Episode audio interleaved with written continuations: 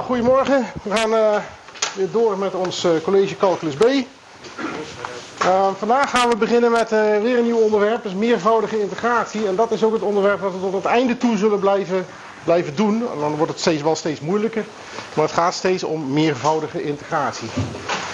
om dat goed te begrijpen moeten we misschien eerst even herhalen hoe dat zat met integralen van functies van één variabele. hier zie je de grafiek van een functie. Dan zit hierboven. Uh, je hebt een interval A, B. En de vraag is, in dit geval is de functie even positief getekend. Want als die negatief wordt, dan krijg je tekenproblemen. Maar oké, dan laten we daar maar even vanaf wezen. We vragen ons af, wat is de oppervlakte van het gebied, dat blauwe gebied A. En wat je dan uh, kunt doen, hè, als, dat, dus als die, die, die functie f constant is, dan krijg je een rechthoek. Dus dan is het makkelijk. Maar als het geen rechthoek is, zoals in het plaatje, ja, dan moet je het gaan benaderen. En wat je dan doet, is, nou dat heb je wel eens gezien, dan ga je het interval AB verdelen in stukjes. In dit geval zijn ze allemaal even groot. De grootte van de stukjes, dat noemen we dan delta x. En wat je dan gaat doen is in ieder intervalletje een punt kiezen.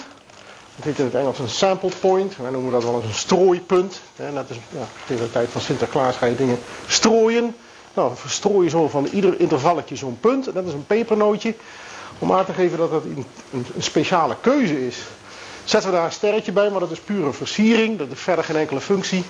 Dan zijn er n van. In ieder interval zijn die rode dingetjes hier.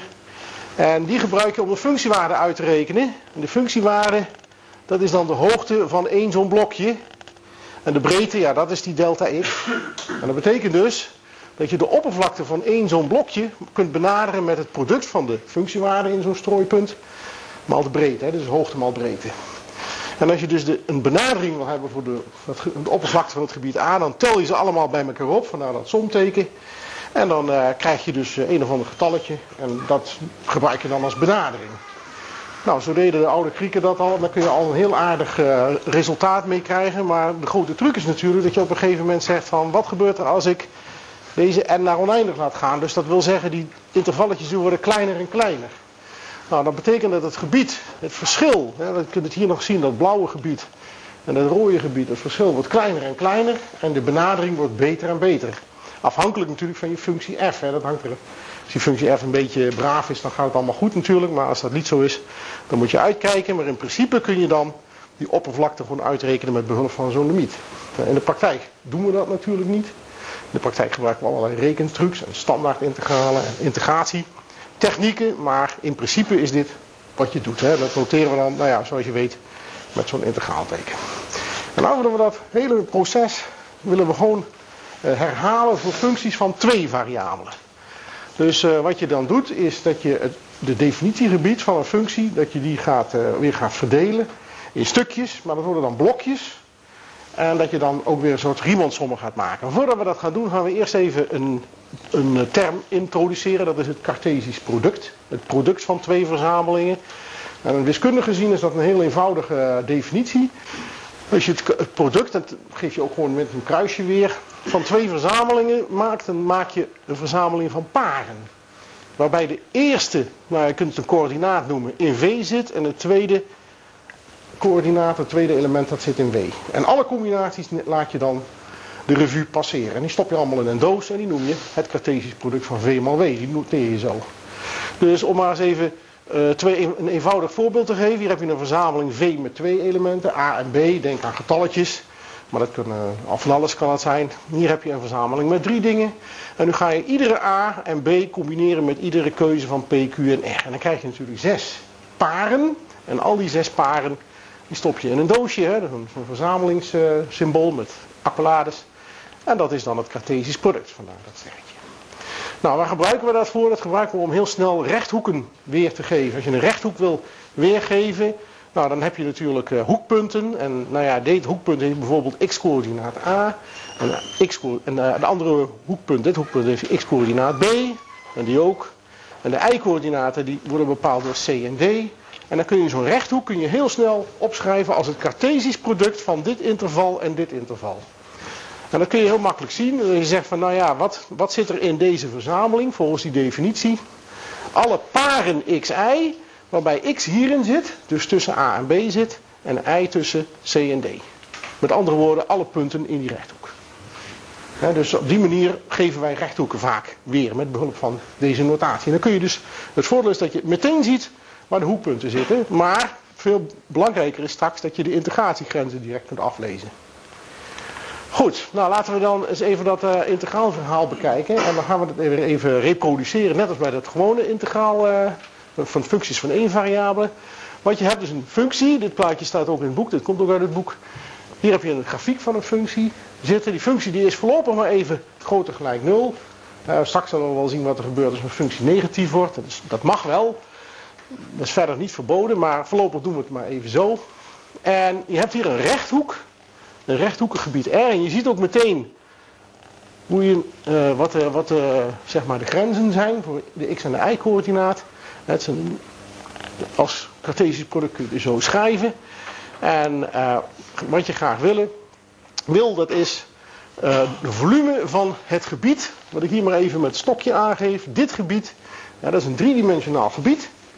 Met uh, zijkanten die plat zijn, hè, dus rechthoekige zijkanten. Maar het zijn zelf geen rechthoeken, want er zit zo'n krom randje aan. De bodem is wel een rechthoek en, de, en het deksel dat is gewoon de grafiek voor die functie. En dat gebied, dat kun je dus ook weer met een verzamelingnotatie zo weergeven. Hè, dus de x en de y zitten in het domein zou je kunnen zeggen. Dat is in dit geval die rechthoek. En de z-coördinaat die varieert tussen 0 en fxi. En dat definieert het gebied S. Dat is dus een volumegebied. En daarvan wil je graag het volume hebben. De inhoud. Dus als je hem van, zeg maar, als je hem van plaatstaal zou maken en je zou hem vullen met water. Hoeveel water gaat erin? Dat is de vraag. En ook dat kun je weer met zo'n Riemann-som gaan benaderen. Daarvoor moet je je rechthoek, het gebied R, dat heb ik hier getekend, gaan verdelen. Maar dan niet in intervalletjes, maar in kleine kleine rechthoekjes. Er hoeven geen vierkantjes te zijn, er zijn kleine rechthoekjes. Dat krijg je voor elkaar door de intervallen A en B van, van C tot D te verdelen. dus hier heb je die verdeling zitten. Dan, uh, dus die, die intervalletjes die hebben een bepaalde breedte. Dat gaat op precies dezelfde manier als bij functies van één variabele. Die, dat interval van C naar D, dat verdeel je ook. Je kiest, uh, oké, uh, de rechthoekjes zelf hebben een gegeven oppervlakte, dat is dus de breedte maal de hoogte. En die noem je dan delta A. Dat is gewoon een naam die je eraan geeft. En je kiest weer strooipunten, hè, van die sample points. Nou, als je goed kijkt zie je dat er in iedere rechthoek precies één zo'n puntje zit.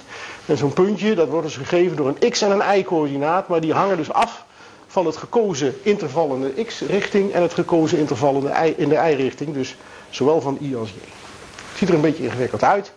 Maar de reden waarom je dat zo doet is natuurlijk dat je op een gegeven moment die volume wil, dat volume wil benaderen van dat gebied S. Ik heb het hier weer even getekend. En je ziet hier zo'n rechthoekje zitten, zo'n klein dingetje waarvan de oppervlakte precies delta A is. En dan wil je graag dat gaan benaderen met een blokvormig gebied, waarvan je de inhoud kent. Hè. Als blokvormig is, is het gewoon breedte maal hoogte maal, maal eh, diepte. En nou, dan wil je graag de hoogte weten en als hoogte gebruik je de functiewaarde in dat strooipunt. Het ziet er een beetje raar uit, hè, met al die sterretjes en zo. Maar die sterretjes hebben geen functie nogmaals, dat is gewoon een versiering. En als je dus één zo'n blokje bekijkt, dan is dit het volume van één, ja, zo'n ja, friet, friet ja, een beetje een frietje eigenlijk, zo'n lang dun stokje. En daarvan is dit de inhoud. Nou, die ga je natuurlijk weer bij elkaar optellen, maar het zijn er een heleboel. Uh, maakt niet, op zich niet uit. Als je ze bij elkaar optelt, krijg je wel weer een volume. En die volume benadert de volume van het gebied S waar ik naar op zoek was. Maar je moet even uitkijken, als je het goed opschrijft, dan moet je zowel de I als de J laten variëren van, nou ja, I in dit geval van 1 tot M. Dus over alle blokjes in de X-richting. En die J, die gaat over alle blokjes in de Y-richting. Dus je krijgt M maal N blokjes en dus ook M maal N termen. Dat noemen we een dubbel som. Dat ziet er eng uit, maar het is gewoon een hele grote som van m maal n termen, als je het helemaal uitschrijft. Nou, dat is een benadering. Die noemen we weer een Riemannsom, dubbele Riemannsom. En wat je weer gaat doen is uh, proberen de limiet te nemen voor, zowel m als n naar oneindig. Ja, dit is een erg soort dubbel limiet. Het is allemaal wat, wat een beetje, als je dat echt goed wil uitschrijven, is het natuurlijk een heel gedoe. Maar we doen het een beetje met handenwapperen zo van, nou ja, ik snap wel ongeveer hoe het in elkaar zit. En dat geeft je dan de definitie. De definitie van de dubbelintegraal. Je ziet het feit dat je dus over twee dimensies integreert, geef je aan met twee van die integralen. Die horen dus bij elkaar. En het, als grens neem je in dit geval het gebied R. Dus het gebied gebruik je dan als een index hier. Of je zet het eronder. Kan ook. Hier zet je je functie. En hier zet je gewoon dA neer. En dat is een symbolische notatie.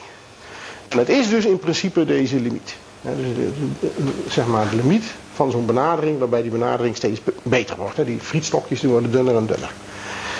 Moet je natuurlijk wel bedenken dat zo'n limiet niet hoeft te bestaan. Als een limiet bestaat, dan noemen we die functie f integreerbaar over r. En anders is hij dat niet. Dus dat is verder eenvoudig.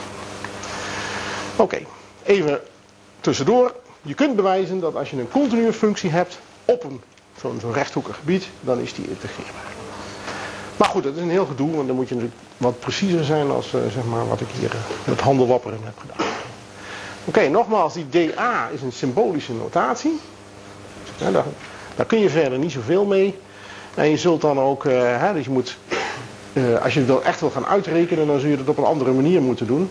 En daarvoor gebruik je wat dan bij Stoers heet de stelling van Fubini. En bij de stelling van Fubini herschrijf je de integraal van f over een rechthoekig gebied naar een dubbel integraal, een herhaalde integraal met gewone grenzen. En ik zal zo uitleggen wat daar nou precies staat. dus je hebt dus deze integraal, die we net hebben gedefinieerd, die is volgens Fubini, als f continu is op een rechthoekig gebied, RAW, de deze herhaalde integraal. En het is ook gelijk aan deze herhaalde integraal. Moet even bijgezegd worden, dat gaan we straks wel gebruiken, dat uh, eisen dat f continu is een beetje te sterk is. Als f niet continu is, dan kan het soms ook wel. Dat hangt er een beetje van af. Daar zal ik verder niet al te veel uh, op ingaan. maar je moet dus niet raar staan te kijken dat er straks ook niet continue functies worden ge geïntegreerd. Dat zal ik zelfs over vijf minuten al doen. En dan kun je die stelling ook bewijzen. En dat, oké, bewijzen laat ik natuurlijk achterwege. Het staat ook al in het boek, staat een min of meer bewijs. En dan kun je ongeveer zien hoe dat werkt. Maar ik moet natuurlijk eerst uitleggen wat hier precies staat. Hè? Want dat ziet er een beetje raar uit. In het begin denk je van, nou, kan ik niet zo goed lezen. Nou, dit, zijn, uh, dit, dit soort notaties, dat zijn herhaalde integralen. Dus je hebt een, een integraal. Eigenlijk hier staan. Ik kan het beter even naar de volgende kijken. Wat, er eigenlijk moet, wat je eigenlijk moet zien is dat er haken staan. Die haken die schrijven we nooit op. Nou, in dit geval dus één keertje wel. En binnen die haken staat een gewone huistuin- en keukenintegraal. Zoals je die gewend bent. Met een ondergrens en een bovengrens, een of andere uitdrukking en een differentiaal. Een di. En in dit geval is de functie hier is een of andere woeste formule met x'jes en y'tjes erin. En dat betekent dus als je die, die wat ik dan noem binnenintegraal gaat uitrekenen, dan hou ik daar geen ei meer in over. Als ik op een gegeven moment die ei eruit heb geïntegreerd, dan zijn er misschien nog wel x'en, maar geen eitjes meer. Die zijn, die zijn weg. Dat wordt dus, deze uitdrukking, dat wordt een functie mogelijk van x. Misschien zitten er zelfs geen x'en meer in, maar in principe zitten daar geen eitjes meer, dus dat kan ik zo kunnen opschrijven. Dat is dus de binnenintegraal. En die schrijf ik dan maar even zo op. En dat betekent dus dat je deze uitdrukking zou kunnen vervangen door deze uitdrukking. En dit is dan, zeg maar, dit is die binnenintegraal, die functie van x. En dit is een gewone integraal over x. En die differentialen kun je zien welke variabel je moet integreren. Dat is normaal gesproken nooit een probleem, want er staat altijd maar één variabel in. Maar hier moet je er goed op letten. Want als je dat niet doet, dan raak je dus in de war en maak je rare fouten. en uiteindelijk kom je natuurlijk weer gewoon op een getal uit. En dat is dan het volume van dat gebied wat je dan hebt. Oké? Nou, belangrijk is, dat moet je gewoon eh, in het begin maar even gewoon uh, steeds in je hoofd stampen. Zodat je zo'n herhaalde integraal altijd van binnen naar buiten uitrekent. Dus eerst de binnenintegraal en dan de buitenintegraal. Oké, nou laten we een voorbeeldje bekijken. Hier hebben we zo'n herhaalde integraal. dus volgens Fubini is dat het volume van een grafiek van een functie over een rechthoekig gebied waarvan je de hoekpunten uit die grenzen zou kunnen aflezen. Maar dat schrijf ik maar niet op. We gaan het gewoon algebraisch uitrekenen. Nou, dan gaan we eerst die binnenintegraal even uitrekenen. Ja, dat is dus gewoon, ja, wat hier staat tot met wat hier staat. En dan laat je die, die en die weg en dan hou je dit over. En je zou dat in het begin, is dat misschien wel een handige methode. Dan denk je van, oké, laat ik me eerst maar eens concentreren op datgene wat moeilijk is. En eh, wat, wat ik niet nodig heb, dat schrijf ik niet eens op. Dat geeft wat rust daar in de bovenkamer. Nou, dan ga je dit integreren en dan moet je dus, zeg maar, naar i integreren. En als je dat doet, dan betekent dat, en dat lijkt een beetje net als bij partieel differentiëren, bij partiële afgeleide. Je doet net alsof die x een constante is. En die mag je hier dus ook gewoon voorhalen. Dan mag je gewoon zeggen van oké, dat is x kwadraat maal de integraal van 1 tot 2 i dy. Dat doen we voorlopig maar even niet. Maar straks gaan we dat soort trucken wel doen. je kunt dus gewoon de primitieven hier opschrijven. Als je die x kwadraat even vervangt door een getalletje 7 of zo, dan staat er hier 7 maal een half i kwadraat. Nou, dat schrijf je dan maar weer op, maar natuurlijk niet met 7, maar met x kwadraat. En dan is dit dus de primitieve van deze functie. En dan moet je dus die i vervangen door enerzijds door 1 en anderzijds door 2 en dan het verschil nemen. Dus nou, eerst maar 2 invullen, dat wordt hier 2 kwadraat gedeeld door 2. En dan 1 invullen voor i, 1 kwadraat gedeeld door 2. En dan reken je dat uit en dan krijg je uiteindelijk anderhalf keer x kwadraat. Dat is dan het resultaat. Dat is dus wat ik dus het bevorige sheet hoofdletter f van x had dus dat is gewoon een functie van x. En de uiteindelijke herhaalde integraal is dus gewoon niks anders als, hè, dus als ik die haken dan maar weer eventjes voor de gein weer expliciet erbij schrijf, de integraal van 0 tot 3 van deze uitdrukking. Nou ja, die kan je natuurlijk uit je hoofd, hè, want die x kwadraat die primitiveert tot een derde x tot een derde. Dus nou ja goed, dat is gewoon een kwestie van even uitschrijven en dan krijg je 27,5, 13,5. Nou, zo werkt het. is eigenlijk helemaal niet zo moeilijk. Ja, als je maar weet wat je moet doen, is het gewoon Twee keer integreren, maar wel de goede volgorde. Dus, dus van binnen naar buiten en de goede variabelen kiezen. Dat je hier niet eerst naar, naar x gaat, gaat integreren. Dus, Oké, nou dan gaan we dat nog een keertje doen, maar we gaan dat nu in één keer uitschrijven. Want dat opschrijven van die, van die eerst die in, binnen integraal en dan die bij, dat is allemaal gedoe. Dus op een gegeven moment ben je, daar, eh, ben je dat een beetje zat en dan zeg je van nou ik doe het gewoon in één keer. Wat doe je dan? Dan schrijf je het zo op. Je hebt dus je herhaalde integraal. Je gaat meteen die binnenintegraal. Je zegt van oké, ik moet hier uh, naar x. Oh, wacht even. Deze, bij deze heb ik de integratievolgorde verwisseld. Misschien moet ik dat eventjes... Uh, nou, dat, even kijken. nou ja, goed. Dan moet je maar, daar zullen we zo nog even iets over zeggen. Maar let maar gewoon eerst even niet op dat, dat feit dat het dezelfde is als de vorige. We gaan eerst de binnenintegraal doen, maar je moet dan even opletten dat je nu naar x moet integreren. Dus die x kwadraat, dat wordt een derde x tot de derde. en die y, dat is nou gewoon een factor geworden. Dat is gewoon een constante. En die sleep je dan gewoon steeds mee. Nou, dan krijg je dus dit als primitieve van deze functie. Als je die naar x differentieert, dan krijg je precies die, waarbij je dus die als constante opvangt opvat. En dan moet je x vervangen door 0 en 3 en van elkaar aftrekken. Om dat aan te geven kun je vaak ook dit soort notaties gebruiken. Doet Stuart ook. Hè. Die zet zelfs de x daarboven, maar dat is een beetje overdreven natuurlijk. Als je weet dat je voor x hier een 0 moet invullen, moet je daar ook voor x een 3 invullen. Niet voor y natuurlijk. Nou, dat betekent dus dat je dus die, uh, die, die, dat invulgedoe kun je dus allemaal binnen die integraal kun je dat opschrijven. Je kunt uh, uh, een beetje verbeteren, hè, vereenvoudigen. Dat wordt 9i di. Nou is het weer een gewone integraal, die kun je uit je hoofd. Dat is 9, 9 tweede i kwadraat. Tussen de grenzen 1 en 2. Nou, een beetje uitschrijven en hop, dan heb je het antwoord weer. hetzelfde antwoord als de vorige. Um, even misschien nog even die stelling van uh, Fubini terugtoveren. Dan moet ik eventjes een hele hoop stapjes terug doen. Uh, ja, kijk, daar is die weer. Die bij die integraal, uh, bij die stelling van Fubini zijn er dus twee varianten. Wat gebeurt er nou? En dat kun je nou goed, dat kun je eerst niet goed laten zien, maar nou kan ik het laten zien. Hier heb je dus de binnenintegraal over i. Eerst over i, en die gaat van c naar d, hè, want dat zijn de coördinaten voor i. En de buitenintegraal, die is voor x, die gaat van a naar b. En hier heb ik dezelfde integraal, dezelfde functie, maar nu ga ik eerst over x integreren. En dan over y. Maar dan moet je wel ook de grenzen verwisselen. Anders komt het niet goed uit. Hè? Want die x die loopt van a naar b. Dus als ik eerst over x ga integreren, dan moet de binnenintegraal over het interval AB lopen. Dus als je de integratievolgorde verwisselt, dat is eigenlijk wat je doet, dat noemen we ook zo. Als je de integratievolgorde verwisselt, moet je ook de grenzen verwisselen. dat is wat die stelling van Fubini zegt. En dat kan dus bij rechthoekige gebieden. Straks gaan we niet rechthoekige gebieden doen en dan wordt het wat lastiger. Oké, dus dan moeten we even door naar die, die voorbeelden heen. Oké. Nou, nog een voorbeeld. Bereken uh, deze uh, dubbelintegraal. Het rechthoekige gebied R is hierdoor gegeven. Door deze, dit Cartesisch product. Dus je ziet precies x loopt van 0 tot 2 en i loopt van 1 tot 2. Je kunt gelijk de grenzen invullen, maar je hebt twee keuzen. Je kunt, voor die stelling van Fubini kun je zeggen van nou, ga eerst over x en dan over y. Uh, hier is ervoor gekozen om eerst over i te integreren. En als je dat doet, moet je voor i de grenzen nemen van 1 tot 2. Ja, dus die i loopt van 1 tot 2. En de buitenintegraal die gaat, van, gaat over x en die loopt van 0 tot 2. Dus daar moet je de grenzen 0 tot 2 doen. Dus aan, aan, aan die notatie van, van de rechthoek R kun je direct de grenzen aflezen. Kun je direct met Fubini die integraal schrijven als een herhaalde integraal. Nou ja, het uitrekenen is natuurlijk niet zo moeilijk, want het is een polynoom. Dus dat kun je bijna uit je hoofd als je een beetje, een beetje goed bent. dus dit kan je dus. Uh, maar je moet wel even opletten wat je integreert. Hè. Dus hier staat xi. Hè, die x is een constante voor i. Dus dat wordt xi. En i kwadraat, dat wordt een derde i tot de derde. Maar er staat al een 3, dus het wordt precies i tot de derde. Nou, dan vul je voor i2 in.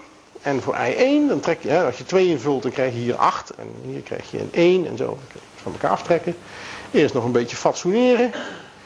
En dit wordt natuurlijk zoiets als een half x kwadraat min 7x als primitieve. Grenzen 0 en 2 invullen. En als je dat goed doet, dan komt er min 12 uit. Hier zie je een voorbeeld waarin een resultaat negatief is. En dat komt omdat gedeelten van die functies onder de, een xi-vlak steken.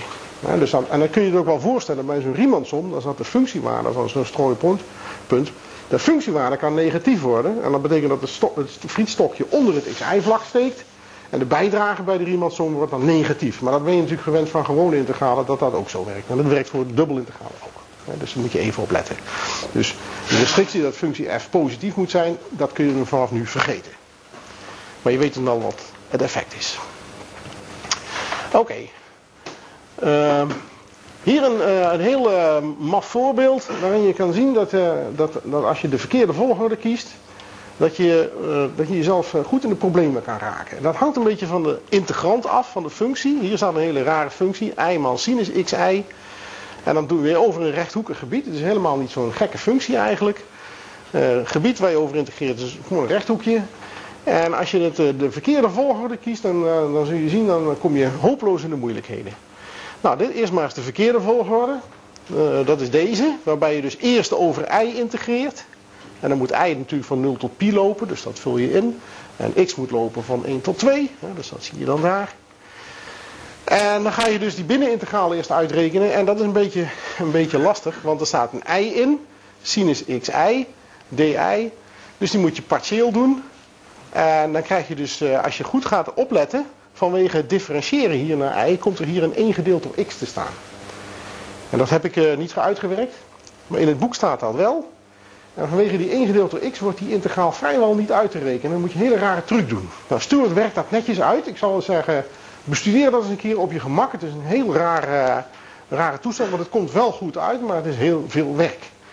maar uh, in dit principe is dat, kunnen we dat beter, in, in dit geval zul je zien dat het dus heel veel werk is. Terwijl als je die integratievolgorde verwisselt, dan wordt het heel makkelijk. Dan is die integraal, die schrijf je bijna uh, in twee regeltjes op. Dus, uh, dus nou doen we dus Fubini de andere kant op. Dan doen we eerst over x en dan over y. En de truc is dat als je eerst over x doet, dan is het een gewone sinus. Het is gewoon niets anders dan ja, de sinus van x maal een getalletje. Met een getalletje ervoor. Dus, nou ja, dat is... De binnenintegralen, die kun je dus gewoon uitrekenen op deze manier. Die i moet je maar even zien als een soort constante. Dus het is gewoon uh, de cosinus van x maal i. Die i verdwijnt zelfs, omdat hij er zowel hiervoor zit als... Dus hij is er helemaal niet eens meer. En je krijgt als binnenintegraal gewoon deze uitdrukking. En de buitenintegraal, dan moet je gewoon deze uitdrukking naar i integreren. Ja, dat kun je ook bijna uit je hoofd. Dus dan komt het gewoon nul uit. Als je het goed doet. dus je ziet, dat is makkelijk.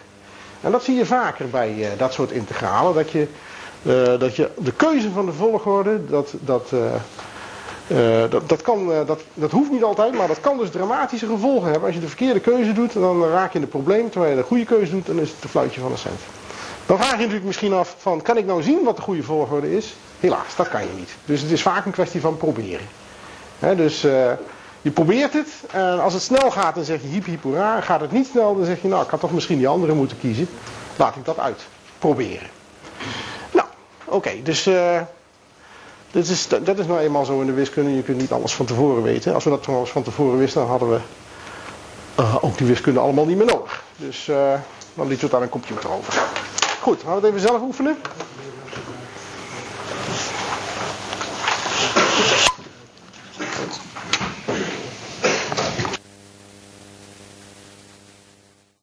Opnieuw beginnen.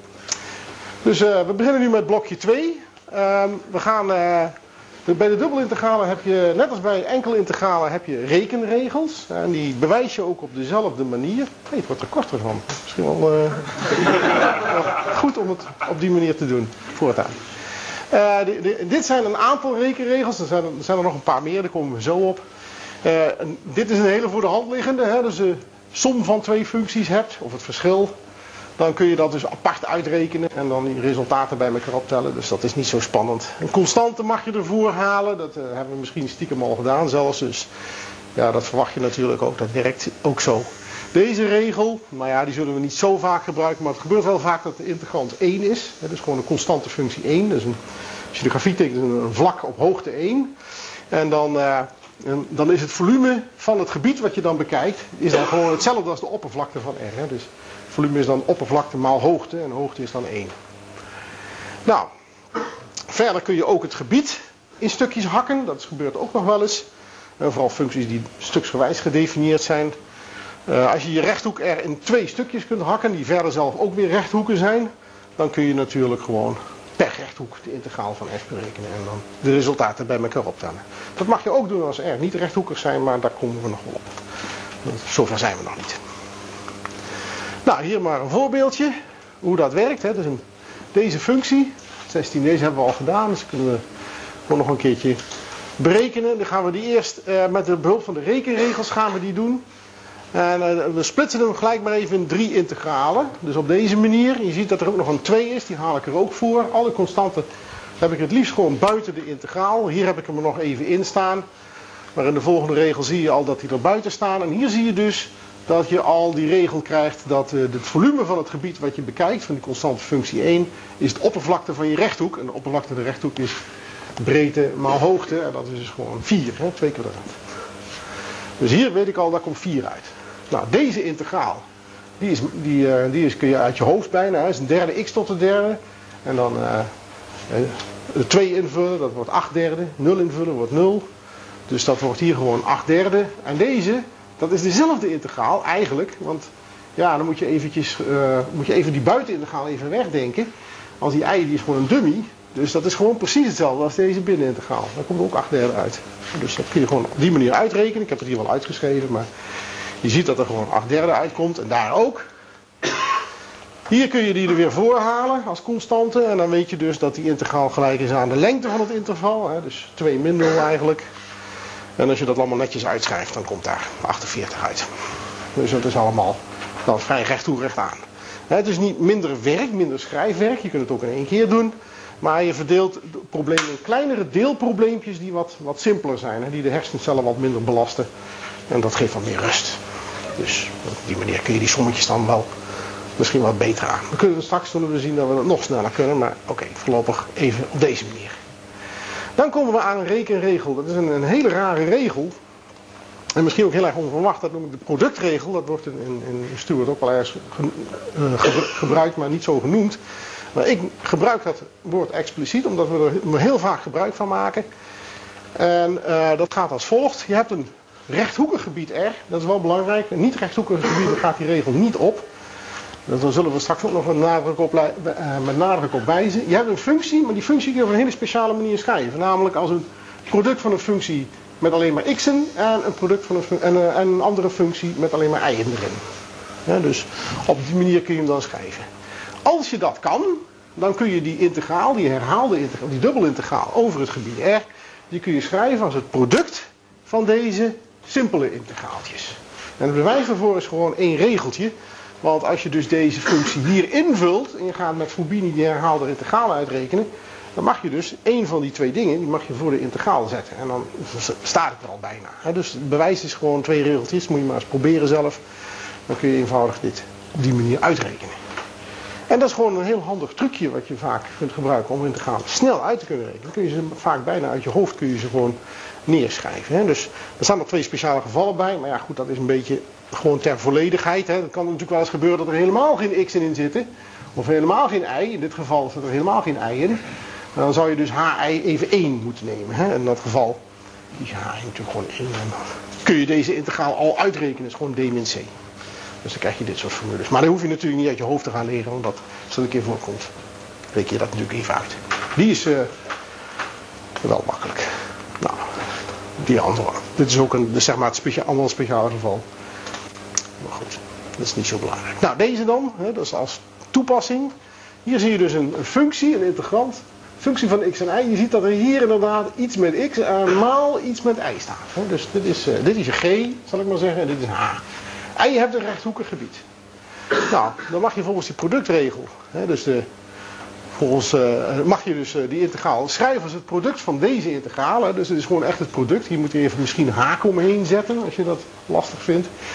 Nou ja, die integraaltjes die kun je natuurlijk gewoon uit je hoofd uitrekenen. Dat is niet zo moeilijk. De primitieve van sinus is min cosinus. En de primitieve van cosinus is sinus. En dan vervang je gewoon dat die grenzen. Trek ze van elkaar af. Een beetje uitrekenen. En er komt 1 uit. Hè. Dus dat scheelt uh, een aanzienlijk werk. Hè. Ook qua gedachten en zo. Dat je dat niet te moe wordt in die bovenkamer. Dat we dat allemaal niet hebben. Nou, laten we dat eventjes op dit voorbeeldje toepassen.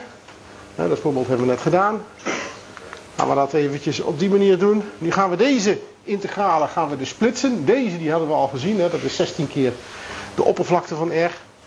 Dus dat heb ik hier weer opgeschreven. Die ga ik dus splitsen met de productregel. Hier staat x kwadraat maal 1. Hè? Dus je h, dat is als het ware de functie 1. En hier is je, je, g is 1. Hè? Dus er staan geen x in, maar dan kun je gewoon 1 schrijven. En dan zie je dus onmiddellijk dat je hier deze integraal, dat was die 8 derde uit het vorige voorbeeld, die vind je hier terug. Je hoeft dus deze integraal eigenlijk maar één keer uit te rekenen, want hier staat hij ook. Dit is gewoon een dummy, dus die zou je hier al door x kunnen vervangen.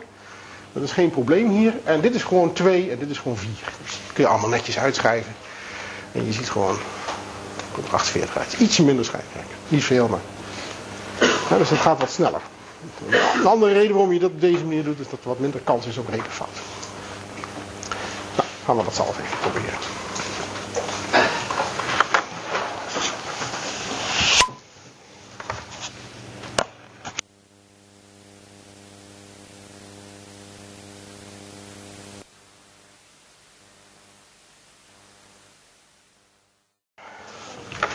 Lichtjes doen. Uh, ja, is goed zo. Oké, laatste blokje. Tot nu toe hebben we alle integralen gedaan over rechthoekige gebieden. Maar uh, in de praktijk zullen die gebieden vaak andere vormen hebben. En dan zullen we toch even moeten nagaan hoe we dat moeten aanpakken. Eerst maar eens uh, de, zeg maar de, de, de, basis leggen van wat is het nou eigenlijk. Daar zullen we verder niet zo verschrikkelijk veel mee doen, maar dan heb je een idee van waar het vandaan komt. Je integratiegebied, je domein van je functie is nu een beetje, ja, deze pannenkoek. Het is niet een rechthoekje meer. En nu wil je dus de zaak gaan, uh, dus die, die, grafiek van die functie, hier zie je een plaatje van de grafiek van de functie. Hè, dat is zeg maar deze kroephoek die zo'n beetje in de lucht zweeft boven deze pannenkoek. En nu wil je weer het volume gaan weten van het gebied wat hierdoor wordt afgegrensd. Hè, dus door de bodem en de grafiek van F en dan die zijwanden, die dan niet meer recht zijn natuurlijk. En dan kun je dat allemaal weer gaan, gaan, gaan benaderen met rechthoekjes, maar dat is een beetje lastig, want je hebt bij die, bij die intervalletjes, kun je, je kunt niet zomaar gewoon zeggen van nou, verdeel het interval in horizontale richting en je krijgt uh, een hele hoop van die, van, die, van die frietjes. Want sommige van die frietjes die vallen er buiten, hè, die zitten dan ergens hier. Nou, als je dat uh, op een snelle manier wil, uh, wil rechtbreien, dan kun je het beste het volgende doen. Dan pak je een rechthoek R en die moet je een beetje groter nemen als het gebied D. Dus zodanig dat D er precies in past. En dan ga je dus een nieuwe functie definiëren met behulp van de oude functie.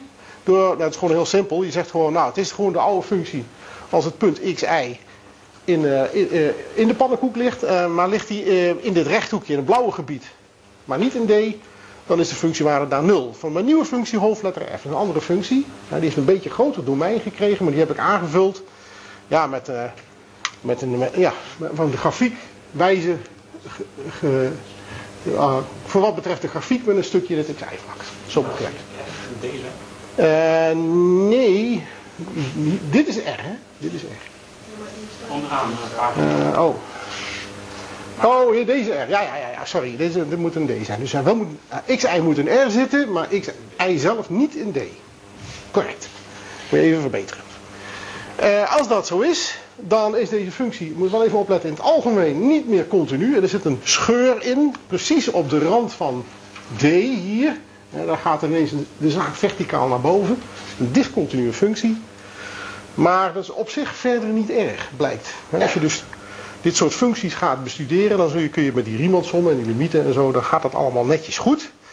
En je kunt dan de integraal van f over het gebied D definiëren als de integraal van hoofdletter f over de hele rechthoek R.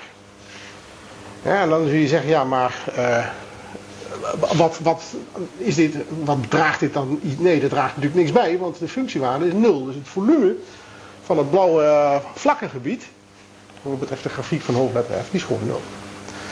Dus qua volume klopt het ook. Hè? Het enige is dat je dus even goed moet opletten voor wat betreft rekenregels en zo. Dat moet je even, dat werkt allemaal ook hetzelfde. Moet je allemaal weer opnieuw doen, maar dat gaan wij natuurlijk niet doen. Nou, hoe gaan we dat nou in de, in de praktijk uitrekenen? In de praktijk, als je dus een niet rechthoekig gebied hebt, dan ga je proberen die rechthoeken te schrijven als elementaire gebieden. En daarvan zijn er twee soorten, twee typen. Dit is het elementair gebied van type 1. Gebied van type 2, dat gaan we zo doen. Een elementair gebied van type 1 wordt begrensd door enerzijds aan de linker en de rechterkant door een verticaal lijntje. Dat kan overigens een lijntje met lengte 0 zijn. Dus het kan zijn dat deze twee grafieken bij elkaar komen ergens in een punt. Dat is toegestaan. En verder, boven de onderkant, twee grafieken van functies. Die dan hier G1 en G2 heten. En dan zo kun je dus die D, dat gebied D, definiëren. Als je dat zo voor elkaar kan krijgen met uh, continue functies G1 en G2, dan noem je dat gebied elementair van type 1. En dat kun je gebruiken om de, de integraal over het gebied D uit te rekenen. Uh, het gebied D kun je als volgt omschrijven. Dat is een beetje ingewikkeld, maar je moet het op een goede manier lezen. Dat moet je leren. Je hebt dus het gebied D. Dat kun je schrijven, omschrijven als de verzameling van alle punten xi. Met de eigenschap dat x tussen a en b zit. De x-coördinaat zit tussen a en b. Ik kan het eventjes laten zien. Dus uh, dat zit hier. De x-coördinaat zit tussen a en b. En de, als ik een eenmaal een x gekozen heb. Hè, dus je moet die x even dan in gedachten tekenen, of in echt, dan loopt i van g1x tot g2i. Dus de i-waarde van het punt wat je zoekt loopt van dit, nou, en dat zijn natuurlijk getallen op de i-as, maar je kunt het beste even die nadenken in termen van die grafiek. Dat punt loopt dan van hier naar daar en dat betekent dat die i-waarde loopt van g1x tot g2x. En zo moet je dit lezen. Dus je hebt een soort plottertje met een horizontale arm die beweegt van A naar B. En een verticale arm die kan alleen maar van hier tot daar. Dus van de ene oranje kromme naar de andere. En zo krijg je alle punten van D. En dat kun je dus zo omschrijven. En door op die manier te doen, zie je gelijk straks, dat zul je zo zien, wat de grenzen zijn van de herhaalde integraal die hoort bij de integraal over het gebied. Ja, dus dan heb je daarvoor een, eh, heb je een stelling. Ja, die stelling kun je, je kunt dus die integraal, hè, met, met die definitie van, van f uitbreiden met zo'n stukje op zo'n blauwe rechthoek. Dat heb je hier ook gedaan. ik heb hem hier alvast ingetekend. Hier is de functiewaarde 0. Hè, dus als je gaat integreren straks, straks zul je zien dat er een integraal uh, over i ergens gaat lopen. En die loopt dan niet van c naar d, maar die loopt van g1x naar g2x. Omdat dit stukje de functiewaarde toch 0 is. Dat is precies dat stukje waar de, de zaak 0 is.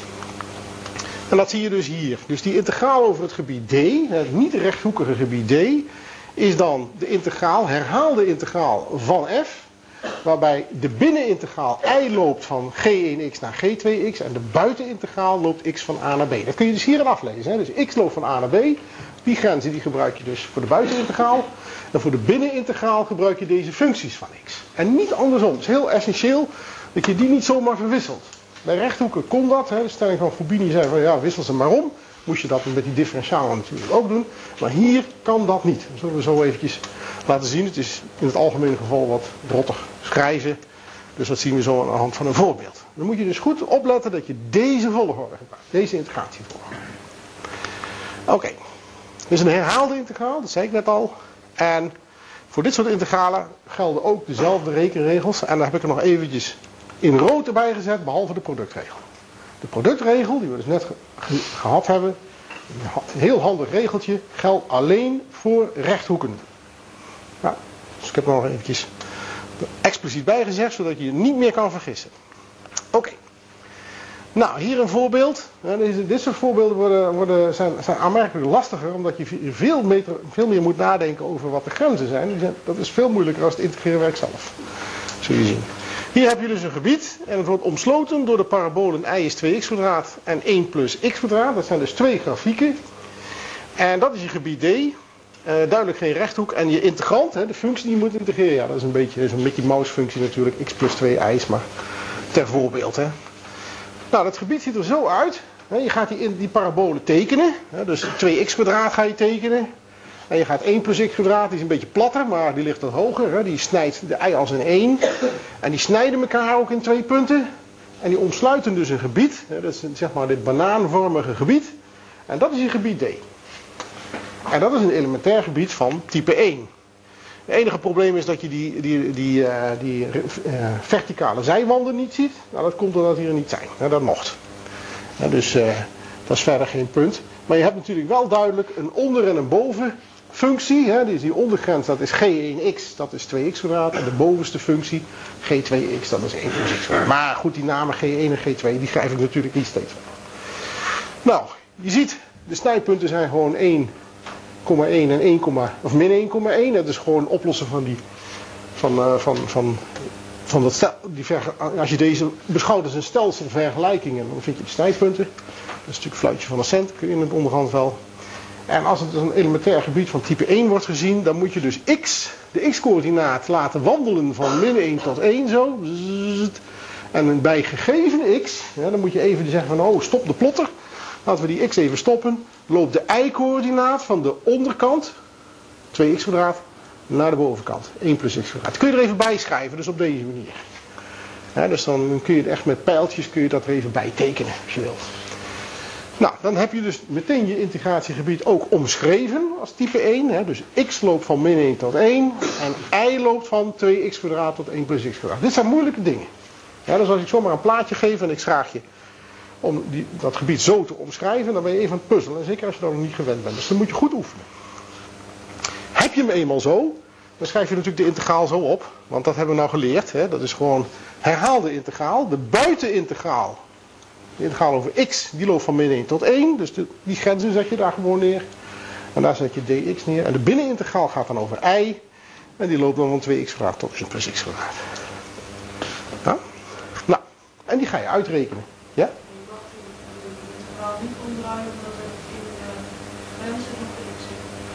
het uh, dat is dus, uh, wat is gevraagd, mag je de integraal omdraaien of, uh, omdat er in die grens een x zit? Precies, dat gaan we zo zien dat je dat niet zomaar mag doen.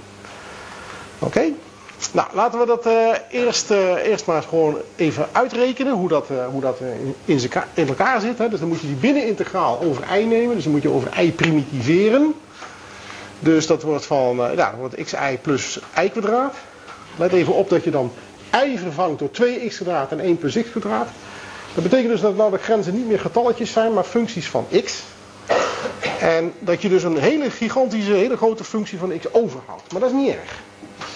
Dus uh, je vult in y is 2, uh, 1 plus x kwadraat. Hier voor y, dus er wordt x maal 1 plus x kwadraat. En hier krijg je 1 plus x kwadraat in het kwadraat. En daarna vul je in y is 2x kwadraat, kwadraat en die trek je er vanaf. Zo doen we dat. Dat is gewoon wat je, wat je gewend bent. Alleen nou niet met getalletjes. Nou, dan ga je dat een beetje fatsoeneren. Dat, uh, dat ziet er natuurlijk niet echt plezant uit. Dus dan moet je al die haakjes gaan wegwerken. En uh, nou, daar staan wat dingen dubbel in. X tot de derde, min 2x tot de derde. Dat organiseer je een beetje netjes, zodat het er zo uitziet. Nou, er zit niet zoveel anders op hoor, om het op deze manier te doen. En nou primitiveer je het over x. Maar ja, dat kun je ook met twee vingers in de neus. Hè. Dat is een vijfde x tot de vijfde, een kwart x tot de vierde en zo. Dus dat kun je allemaal netjes opschrijven. Wel even heel precies werken, want er zitten heel veel breukjes in. dus je rekent je een breuk wat dat betreft. Dan vul je in x is 1. En je vult in x is min 1. En uh, nou ja, een beetje, een beetje fatsoeneren en dan krijg je dus 32 15. Maar dat is verder niet zo interessant. Als je maar snapt hoe dit, hoe in zijn werk gaat. Hè. Dus die binnenintegraal is over y. Je moet y vervangen door functies van x. Dan krijg je een enorme functie van x. Maar ja, door het integreren verdwijnt dat en wordt het natuurlijk weer een getalletje uiteindelijk. Goed. Ehm, ik kom zo terug op jouw opmerking over dat omwisselen, want dat, dat heb ik ook als voorbeeld hier ergens in laten zien. Maar voordat we dat doen, gaan we eerst kijken naar de elementaire integralen van type 2. En dat zijn dus integralen. Uh, eigenlijk is dat hetzelfde, maar dan waarbij de rol van x en y verwisseld zijn. Dat betekent dus dat het gebied nou wordt gegeven door, nou ja, in dit geval vier grenzen, twee horizontale lijnstukjes en twee krommen die je kan opvatten als ja, grafieken van functies waarbij in dit geval x een functie is van y. Maar het zijn niet echt officieel grafieken van functies, maar zo omschrijf het maar even als ja, grafieken van functies van y. dus uh, dat kun je op die manier doen. Ook hier is het weer zo dat die lijnstukjes lengte 0 kunnen hebben. Dus dat deze grafiekjes zeg maar, hieronder samen kunnen komen. Dat is toegestaan. Nou, de omschrijving is precies hetzelfde. Alleen ja, nou staat er hier y in plaats van x. En hier staat x in plaats van y. En hier ook. Dus ook hier kun je weer gewoon dit weer op. Je kunt het weer in een rechthoek vangen. En dan kun je weer eerst, hè, je kunt dus hier lezen dat je y eerst laat lopen van c naar d. Dus dan heb je hier je plotter, heb je hier zo'n karretje wat hier zo over die y-as heen wandelt van c naar d. En op een gegeven moment is mijn karretje hier. Dan loopt het pennetje van hier naar daar. Dus, maar dat pennetje is natuurlijk in de x-richting. Dus die x die loopt van H1i naar H2i. En zo krijg je alle punten op dit zwarte lijnstukje. En als je dan die ei heen en weer laat lopen, krijg je dus precies alle punten van het gebied D. En dat is dus precies wat daar staat. Dus zo moet je het lezen. Nou, voor de rest gaat het precies hetzelfde. Alleen moet je eens even kijken. Uh, ik heb de, de, formule voor de integraal niet opgeschreven. Maar oké, goed, dan moeten we dan maar even. Dat heb ik, hè, dus de bijbehorende integraal kunnen we nou uh, zelf. moeten we zelf even aflezen. Dit voorbeeld, dat is een heel illustratief voorbeeld. We hebben net gezien dat je bij de verwisselen van de integratievolgorde. dat je de ene keer een moeilijke integraal kreeg en bij de andere een makkelijke.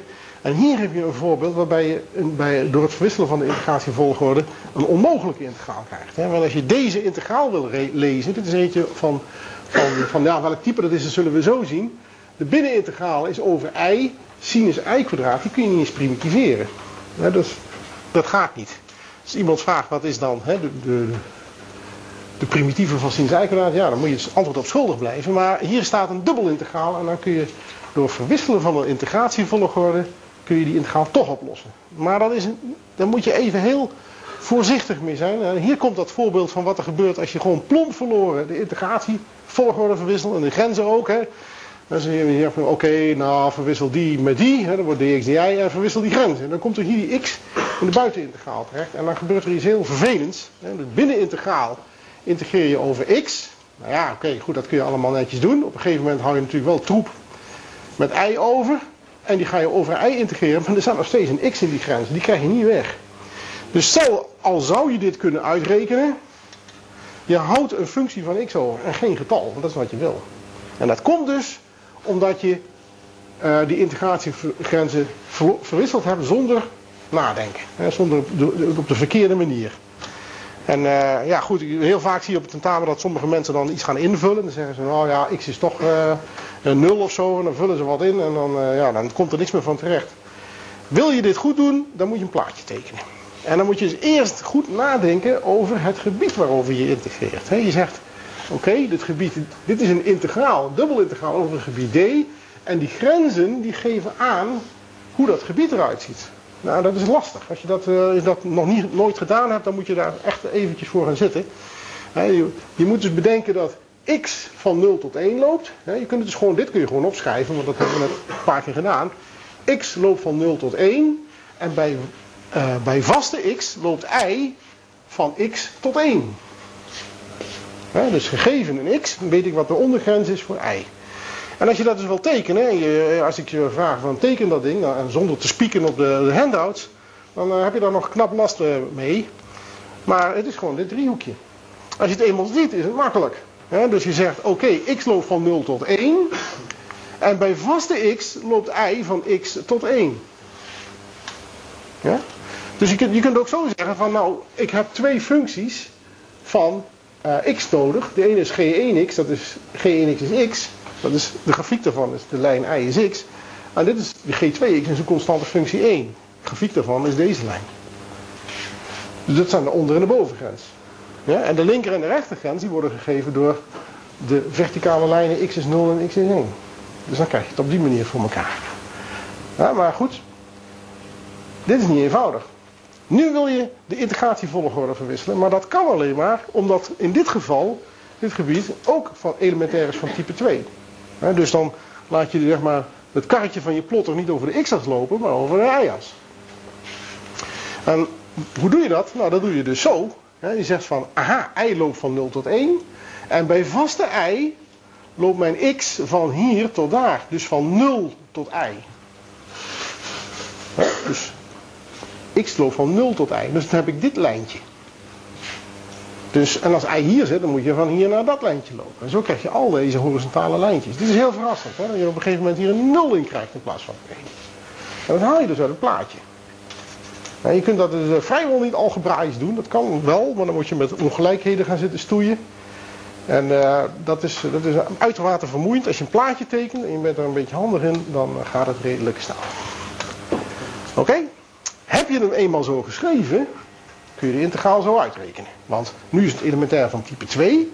Dus de y-integraal loopt van 0 tot 1 en x loopt van 0 tot y. Dat zijn dus de grenzen. En dit is voor de buitenintegraal en dit is voor de binnenintegraal. Dus dan kun je deze integraal zo schrijven. Hè? Dus nogmaals, y loopt van 0 tot 1, x loopt van 0 tot y. Met dezelfde functie, sinus y kwadraat. En dan zul je zeggen, ja, wat is nou het verschil? De truc is, hier zit geen x in. Dus dit is gewoon een constante. Hier moet je naar x integreren, maar er staat gewoon een getalletje, 34 of zo. Nee, dat kan niet in zijn sinus, maar 0,34. Dus die kun je ervoor halen. En dan kun je dat gewoon primitiveren met x. De primitieve van 1 is x. Voor x moet ik 0 en y invullen en dan van elkaar aftrekken. En dan gebeurt er dus iets heel merkwaardigs. Dan krijg je dus voor de laatste integraal, de buitenintegraal, komt hier een extra factor y in. En nou kan ik hem wel primitiveren. Nou kan ik gewoon substitutie doen. Want die y samen met die y, dat wordt iets van dy kwadraat. Ik kan die y weer over het d'tje wurmen, zoals ik net al zei, door de d-poortje douwen. Er komt wel een halfje bij, maar daar ben ik nooit bang van. En dan krijg je dus sinus y kwadraat, dy kwadraat. Dus dat wordt iets met cosinus y kwadraat. dus ik heb het hier weer zo opgeschreven. Dat wordt iets met cosinus y kwadraat. Wel eventjes allemaal goed maken. Er moet nog ergens een halfje bij. Een halfje vanwege die i dy is een half dy kwadraat. En een minnetje vanwege de ketting. En even vanwege de afgeleide van de cosinus. Dat die min sinus is. En dat is gewoon, nou ja, afmaken met peper en zout. Invullen. Klaar. Zo kan je dat dan doen. En je ziet, dit is een lastig voorbeeld. Ja, dus uh, als, ik, als ik er verder niks bij zeg, bij zo'n, bij zo'n, als ik zo'n sommetje doe en ik zeg er verder niks bij, dan, dan moet je zelf maar op het idee komen dat je die integratievolgorde verwisselt, moet verwisselen. Dat is lastig. Uh, meestal zet ik het er dus bij. Geef niet vaak van dit soort sommetjes, maar als je het moet verwisselen, moet je er zelf eerst een plaatje tekenen. En je moet een plaatje tekenen, anders dan krijg je het niet voor elkaar. Nou, moet je even goed oefenen. Ook voor de begeleide zelfstudie. Het zijn lastige dingen dit. Want nou ja, integreerwerk op zich is makkelijk, maar dit maakt het moeilijk.